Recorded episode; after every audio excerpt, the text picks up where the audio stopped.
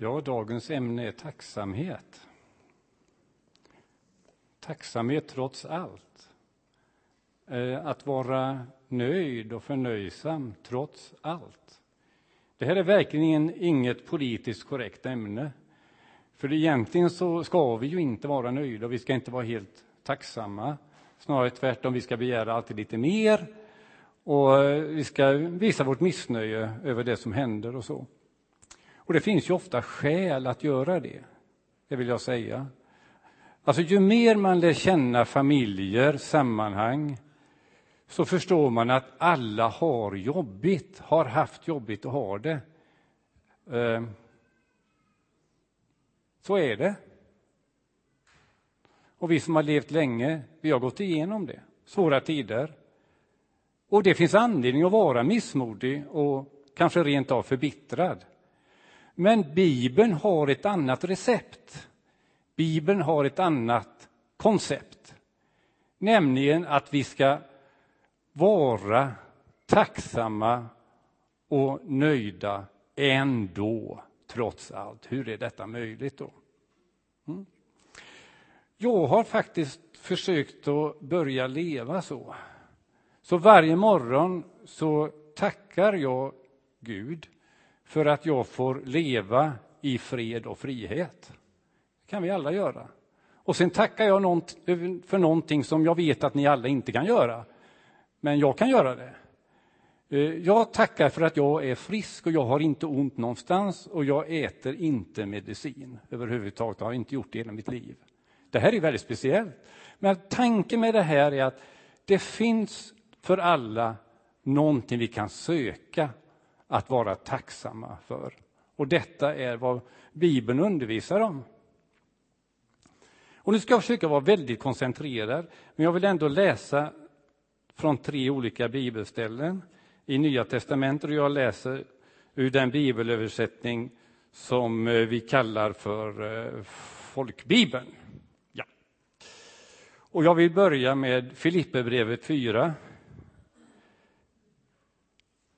6 7. Egentligen skulle jag vilja läsa hela sammanhanget, men det får ni faktiskt göra själva, för jag måste vara ganska så koncentrerad. Men så här står det. Gör er inga bekymmer för något, utan låt Gud i allt få veta era önskningar genom åkallan och bön med tacksägelse. Då skall Guds frid, som övergår allt förstånd, bevara era hjärtan och era tankar i Kristus Jesus. Tacksamheten var alltså viktig här i samband med bönen. Vi kan läsa ifrån eh, första Timoteus brev, kapitel 6, 6 till 8. Då står det att Guds fruktan i förening med ett förnöjt sinne, förnöjsamhet, är verkligen en stor vinning. Vi har ju inte fört något med oss in i världen, inte heller kan vi ta med oss något härifrån. Har vi mat och kläder ska vi vara nöjda med det. Vi ska alltså vara nöjda med det vi har. Inte politiskt korrekt, men ändå. Första Thessalonikerbrevet kapitel 5, vers 16 till 18 vill jag ta också. Var alltid glada. Kan vi det? Var alltid glada, be oavbrutet. Och tacka Gud under alla livets förhållanden. Detta är Guds vilja med er i Kristus Jesus. Nu är ju inte tanken att vi ska vara oärliga och vi ska tacka för sånt som vi inte är tacksamma för, men det stod det inte heller. Vi ska tacka i alla sammanhang, i alla situationer, så kan vi ändå hitta något att vara tacksam för. Nu kanske man kan tänka sig att han som skrev det här, han kanske inte hade några svårigheter, så det är ju lätt för honom att säga det. Paulus har skrivit det här. Var det så att han hade ett glassigt liv och ingenting jobbigt hände honom? Jag skulle vilja säga tvärtom. Hans meritlista, hans CV, handlar om något helt annat. Så här beskriver han en del av sitt liv. Och jag tror faktiskt att jag ska ta tid att läsa det. Från andra Korinthierbrevet. kapitel 11.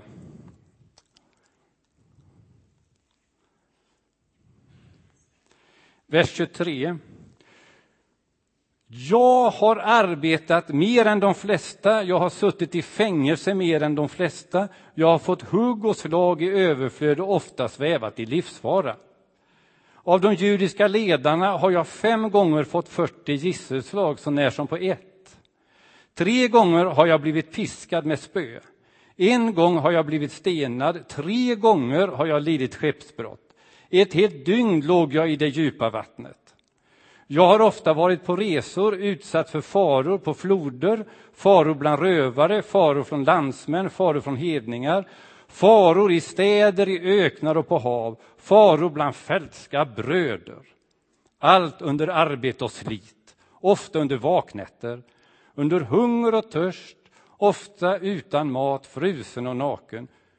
Förutom allt detta har jag den dagliga uppgiften omsorgen om alla församlingarna Det verkar nästan som det sista var det jobbigaste av allt. Men eh, visst var det jobbigt, eller hur? Och så skriver han de här texterna. Och nu ska jag snabbt gå på tillämpning, för jag tycker vi ska ha lite tillämpning på det här. Och det är två delar, dels personligt och dels församlingen.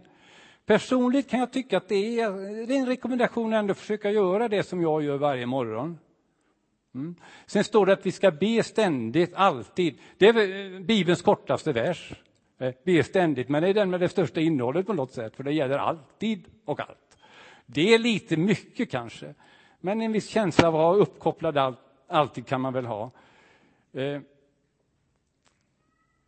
när vår dotter Sabina började på bibelskola, det är många år sedan, så var jag lite intresserad av vad hon hade för ämnen. Så hon visade mig veckoschemat. Ja, varje dag så, och sen lite ämnen, lite förkortningar som det alltid är förstås. Och jag tror att jag lyckades tolka alla de här förkortningarna, vad det var för ämnen. Men ett gick jag fullständigt bet på. Och det var också det vanligaste ämnet, så jag tyckte detta är ju lite pinsamt. Det vanligaste av alla ämnen som de hade varje dag lyckades jag inte avkoda. PA stod det. Alltså, det ska ju vara Bosse också, eller hur? Jag tänkte det är någonting med pedagogik eller psykologi, jag vet inte vad jag gissade allt. Men så är det. Det är den personliga andakten. Det var ju lite, ni fick ju lite hjälp kan man säga. Men det var jättebra. Bosse. Personlig andakt är det. Nu ska vi se om det är någon annan som tar den förkortningen som fanns på samma ruta. Eh, det var, också, det var ämnet, men sen var det lite eh, annat som stod i den här rutan också, lite tips och sådär. Och på det här PA, personlig andakt, så stod det ett tips. TBTB. Och jag fattar inte det heller. Nu då! Personlig andakt TBTB. Fixar ni det? Rätt. Och det är faktiskt det första T. Jättebra. När vi ber så börjar vi med tillbedjan, talar om liksom vem vi ber till och hyllar honom. Och det kallar vi för tillbedjan. Ni är ju lysande elever. Och sen kommer det här första B. då. Vem, vem sa detta? Evelyn? Rätt. Tillbedjan och sen bekännelse. Vem är jag? Man kommer på rätt sätt inför Gud bekänner att man är den man är med alla fel och brister. Och sen kom det ju ett T till. Vad är det då? Ja, det är klart det, är. det är ju dagens ämne, eller hur? Okej, okay. och sen det sista B. Va? Det är rätt. En del säger behov, andra säger begär. Då. Men det är precis samma sak. Och jag hade faktiskt tänkt att säga behov. Ja. Alltså då, vi får också komma till Gud och önska någonting över vårt liv. Vi får göra alla våra önskningar kända inför Gud. Men innan det så ligger tacket. Och det är en poäng i det. Tacket först. Och sen kommer våra behov. Och det här skulle kunna ha en hel predikan men nu ska vi gå vidare. Det var tre punkter jag tänkte ha på det personliga. Det andra är så här, ta vara på tiden medan vi har den. Så att vi inte väntar med att värdera och utvärdera vårt liv när vi ligger där på det yttersta. Och Det här har jag sagt i samband med alfa, ni känner igen det. Men nu har jag fått mycket mer kött på benen. Därför att det kom till min kännedom att det finns en bok nu. Och den är skriven av en eh, sjuksköterska, Bronnie Ware från eh, Australien, som hade jobbat med eh, palliativ vård, alltså det är vård i livets slutskede, vet ni, under åtta år. Och hon hade samtalat med patienterna som låg inför det sista. Och det var väldigt samstämmigt vad de tänkte och vad de ångrade faktiskt. Och boken heter på engelska Top five regrets of the dying. Alltså de fem sakerna som man ångrade att man inte hade satsat på i sitt liv. Och jag ska bara, utan att lägga ut de här fem, ni får ta med dem, för jag tror att det här är ganska viktigt. Jag ångrar att jag lät mig styras av andras förväntningar. Jag ångrar att jag jobbade så mycket. Jag ångrar att jag inte hade mod att sätta ord på mina egna känslor. Jag ångrar att jag inte vårdade kontakten med mina vänner. Och jag ångrar att jag inte tillät mig själv att vara lite lyckligare. Ta med det och tänk på det medan tid är. Och det tredje är att vi ska våga möta människor där de är. Och människor är ju ofta i det här missmodet, missnöjdheten, otacksamheten. Och hur möter vi det med den här kontrasten då? Jag kan bara berätta en sak som hände på Åbydagen. Åbydagen, för det finns en, en del gäster i den här gudstjänsten som inte vet vad vi håller på med. Men jag kan säga Åbydagen, det betyder att vi möter samhället här.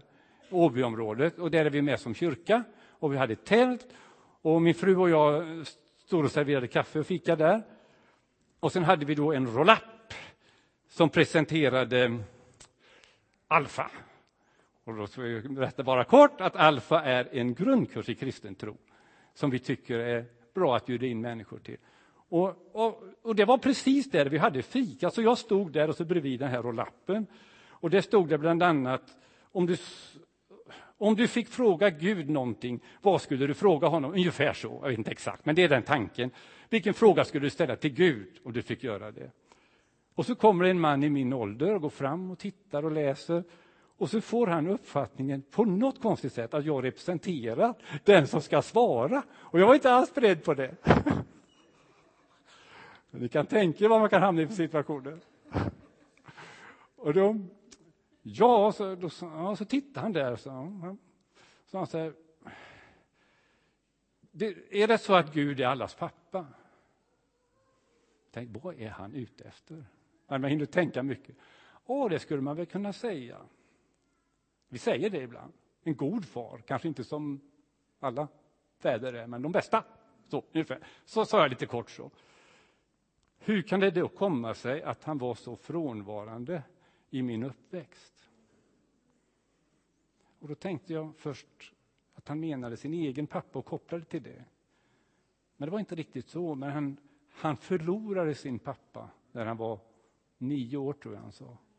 Och var var Gud då? Som han tänkte. Vi hade ett kort samtal. Jag kan inte redogöra för jag ska inte göra det. Eh, men eh, jag tror att han tog vara på det här alfakursen ändå. Vi fick ett bra samtal. Och vi kallar ju det här för evangelisation. Vet ni vad evangelisation är? Hur jag definierar evangelisation, det kan vara roligt för er att veta. För jag läste en som ordnade de här kampanjerna med Billy Graham. Han definierade evangelisation så här. Att med den heliga Andes hjälp tillsammans med andra människor föra en människa ett steg närmare Jesus. Det är evangelisation. Och då kan vi vara olika långt på den här vägen. Och sen brukar man tänka, det här samtalet, var det evangelisation eller inte? Kom den människan ett steg närmare Jesus? Eller var det kanske inte så? Och då upplevde jag att det här, han kom ett steg närmare. Faktiskt upplevde jag det. Och kan han ta ytterligare steg och gå alfa, då, är det är jättebra.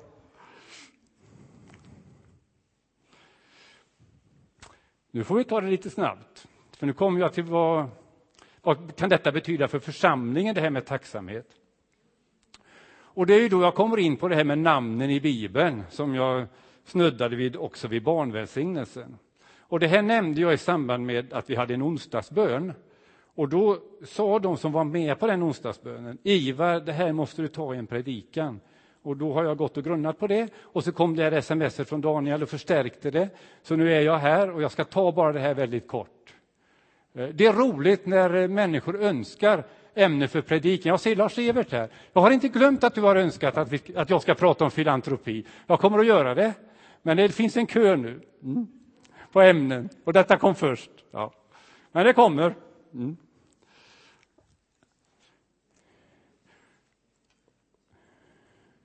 Och då ska vi ta oss till Första Mosebok. Det var nämligen så att skulle vi prata om tacksamhet och då hade jag hört någon gång tidigare att namnet Juda betyder tacksamhet. Mm. Så då slog jag upp det här i Första Mosebok när eh, Juda föds. Namnen i Bibeln betyder väldigt mycket mer än vad kanske våra namn gör. Det var därför jag ofta nämner det i samband med barnvälsignelse, för jag tycker vi kan tänka så. I Bibeln är det ofta profetiskt. Det handlar om vad den människan har för uppgift. Och det är vid många tillfällen som eh, människor har fått byta namn också. Kan ni något sånt exempel? Ni är ju så jättebra eh, eh, publik, om man får slarvigt säga så, i en gudstjänst. Vet ni någon som fick byta namn i Bibeln för att det hände något speciellt? Kommer ni ihåg någon sån? En gång till, Sture. Saul blev Paulus, Saulus blev Paulus. Ja, mer? Eh, Jakob blev Israel. Yes. Mera? Abraham blev Abraham. Jättebra. Mer? Simon blev Petrus. Ja, det finns så. Men det, nu handlar det om Jakobs barn. Och då är vi först i eh, Första Mosebok 29, 33. Det var det jag visste då. Vers 35 visste jag, men vers 33 kommer före, så jag läste den först. Då handlar det om eh, när eh, Simeon föds.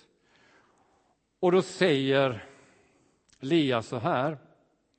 Hon blev havande, står det, hon födde en son och då sa hon, Herren har hört att jag är försmådd, därför har han gett mig denne sonen. Och så gav hon honom namnet Simeon. Och vad vi ska komma ihåg då, Simeon betyder bönerörelse. Ja, det får ni komma ihåg nu. Mm. Och sen går vi till vers 35 och då är det Juda. Än en gång blev hon havande och födde en son och hon sa, jag vill tacka Herren nu. Och därför gav hon honom namnet Juda. Och det betyder tacksamhet. Mm?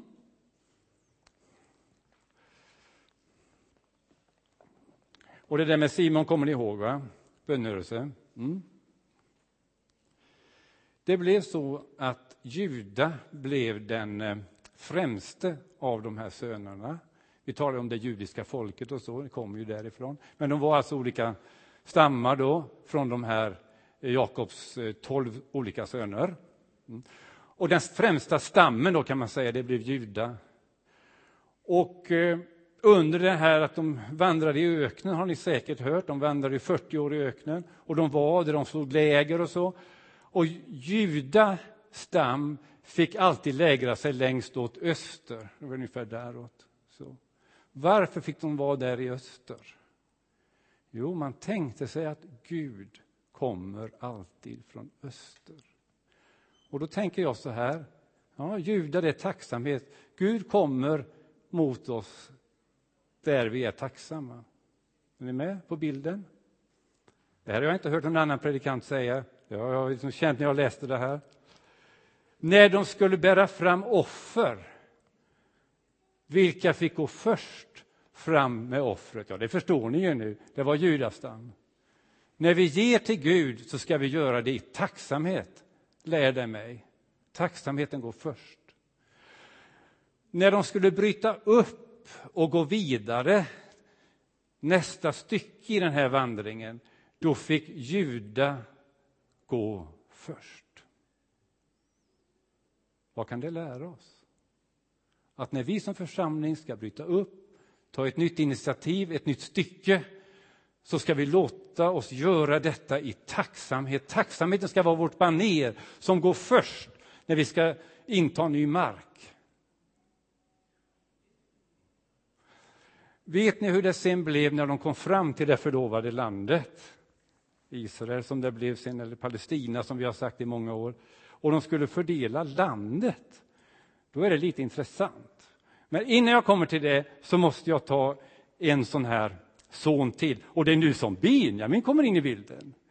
Det var den eh, yngste sonen. Och då får vi bläddra fram lite till vers 18 i kapitel 35.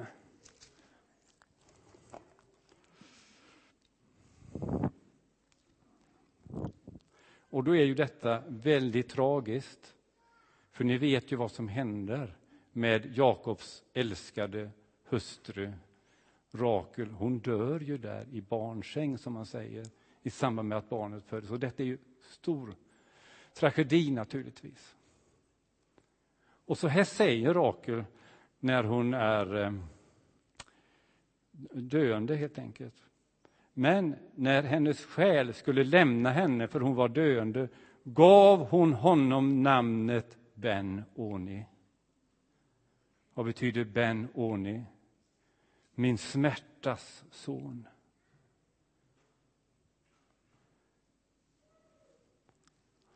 Men hans far, Jakob, kallade honom ändå för Benjamin, min glädjeson. Alltså, det är ju rätt fantastiskt. Det är klart att han var hur ledsen som helst. Förlora sin älskade hustru i detta. Att barnet föds. Ni kan leva er in i det. Vi alla har ju haft, vi känner några som har varit med om detta. Helt säkert är det så. Så det är ju helt förfärligt. Men ska barnet bära namnet hela sitt liv, smärtans son? Nej, sa Jakob, det får inte hända. Det måste ändå finnas en glädje som är djupare i det här och som vi får leva med trots allt. Då. Och jag ger honom namnet glädjens son. Benjamin. Där har vi honom. När de ska fördela landet, mötesledaren Nils, du får hjälpa mig nu, för jag ska ha den kartan där. Och jag, jag vet inte om jag orkar hålla den själv. Men eh, vi hjälps åt.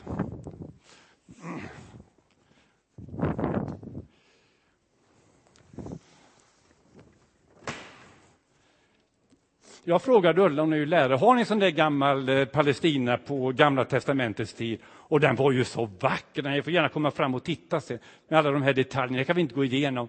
Men poängen var, när landet skulle fördelas, Eh, så Juda är ju här, vi har alltså Galileen, Samarien och Judeen, va? Judeen här nere.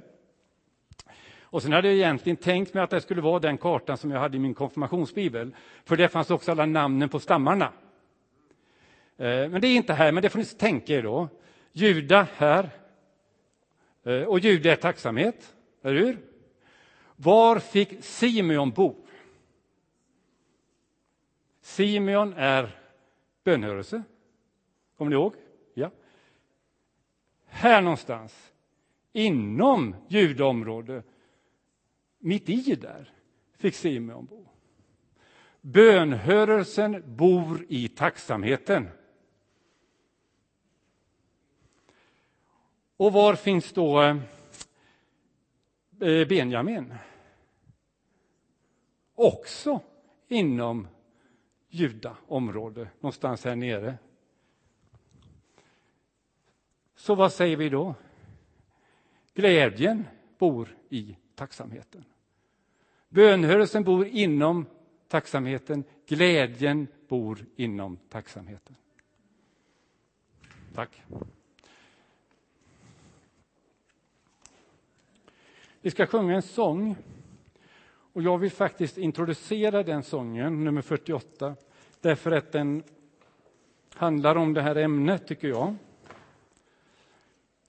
Och det är en känd sång, Vilken vän vi har i Jesus.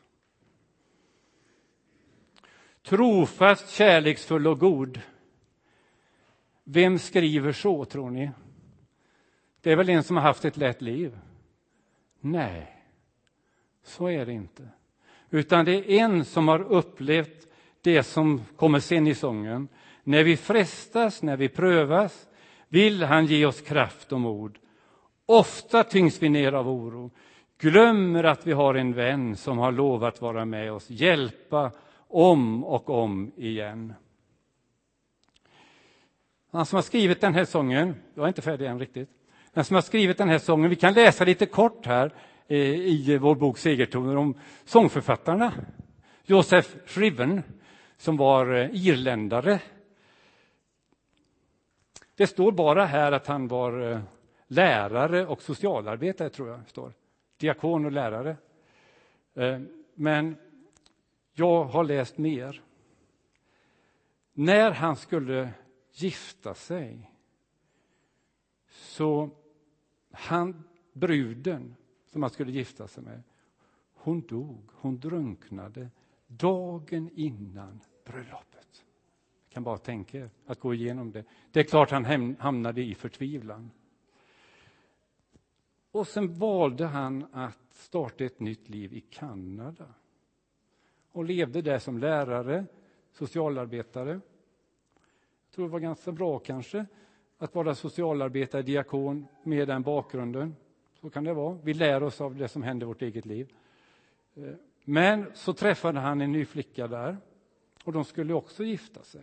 Men detta var inte precis innan. Men hon blev sjuk i lunginflammation och dog. Mm. Tog hon med. Tänk er vilket liv. Och så skriver han vilken vän vi har i Jesus. Mm. Det är nog bara den som har gått igenom så pass mycket eller liknande som faktiskt med riktig nerv kan skriva en sån här sång. Och nu vill jag att ni ska känna det här. Vi vet lite mer om sångförfattaren. Det gör nog att vi kan sjunga en sång på ett annat sätt, med mer inlevelse. När han var där i Kanada så fick han besked om att hans mamma var allvarligt sjuk. I Irland då, bodde hon ju kvar. Eh, och då reste han hem och skrev den här sången, en dikt då, som senare blev tonsatt, eh, för att trösta henne eh, där hon låg på dödsbädden, helt enkelt. Det är den här sångens bakgrund. Kan vi sjunga det nu? Vilken vän vi har i Jesus. Gör vi det?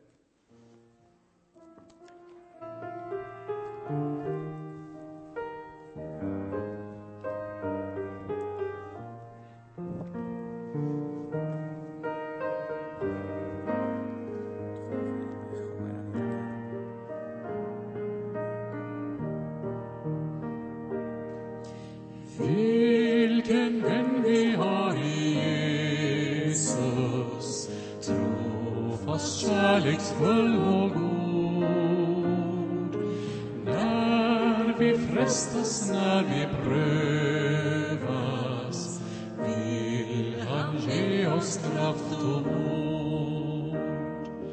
Oft hat ins Vini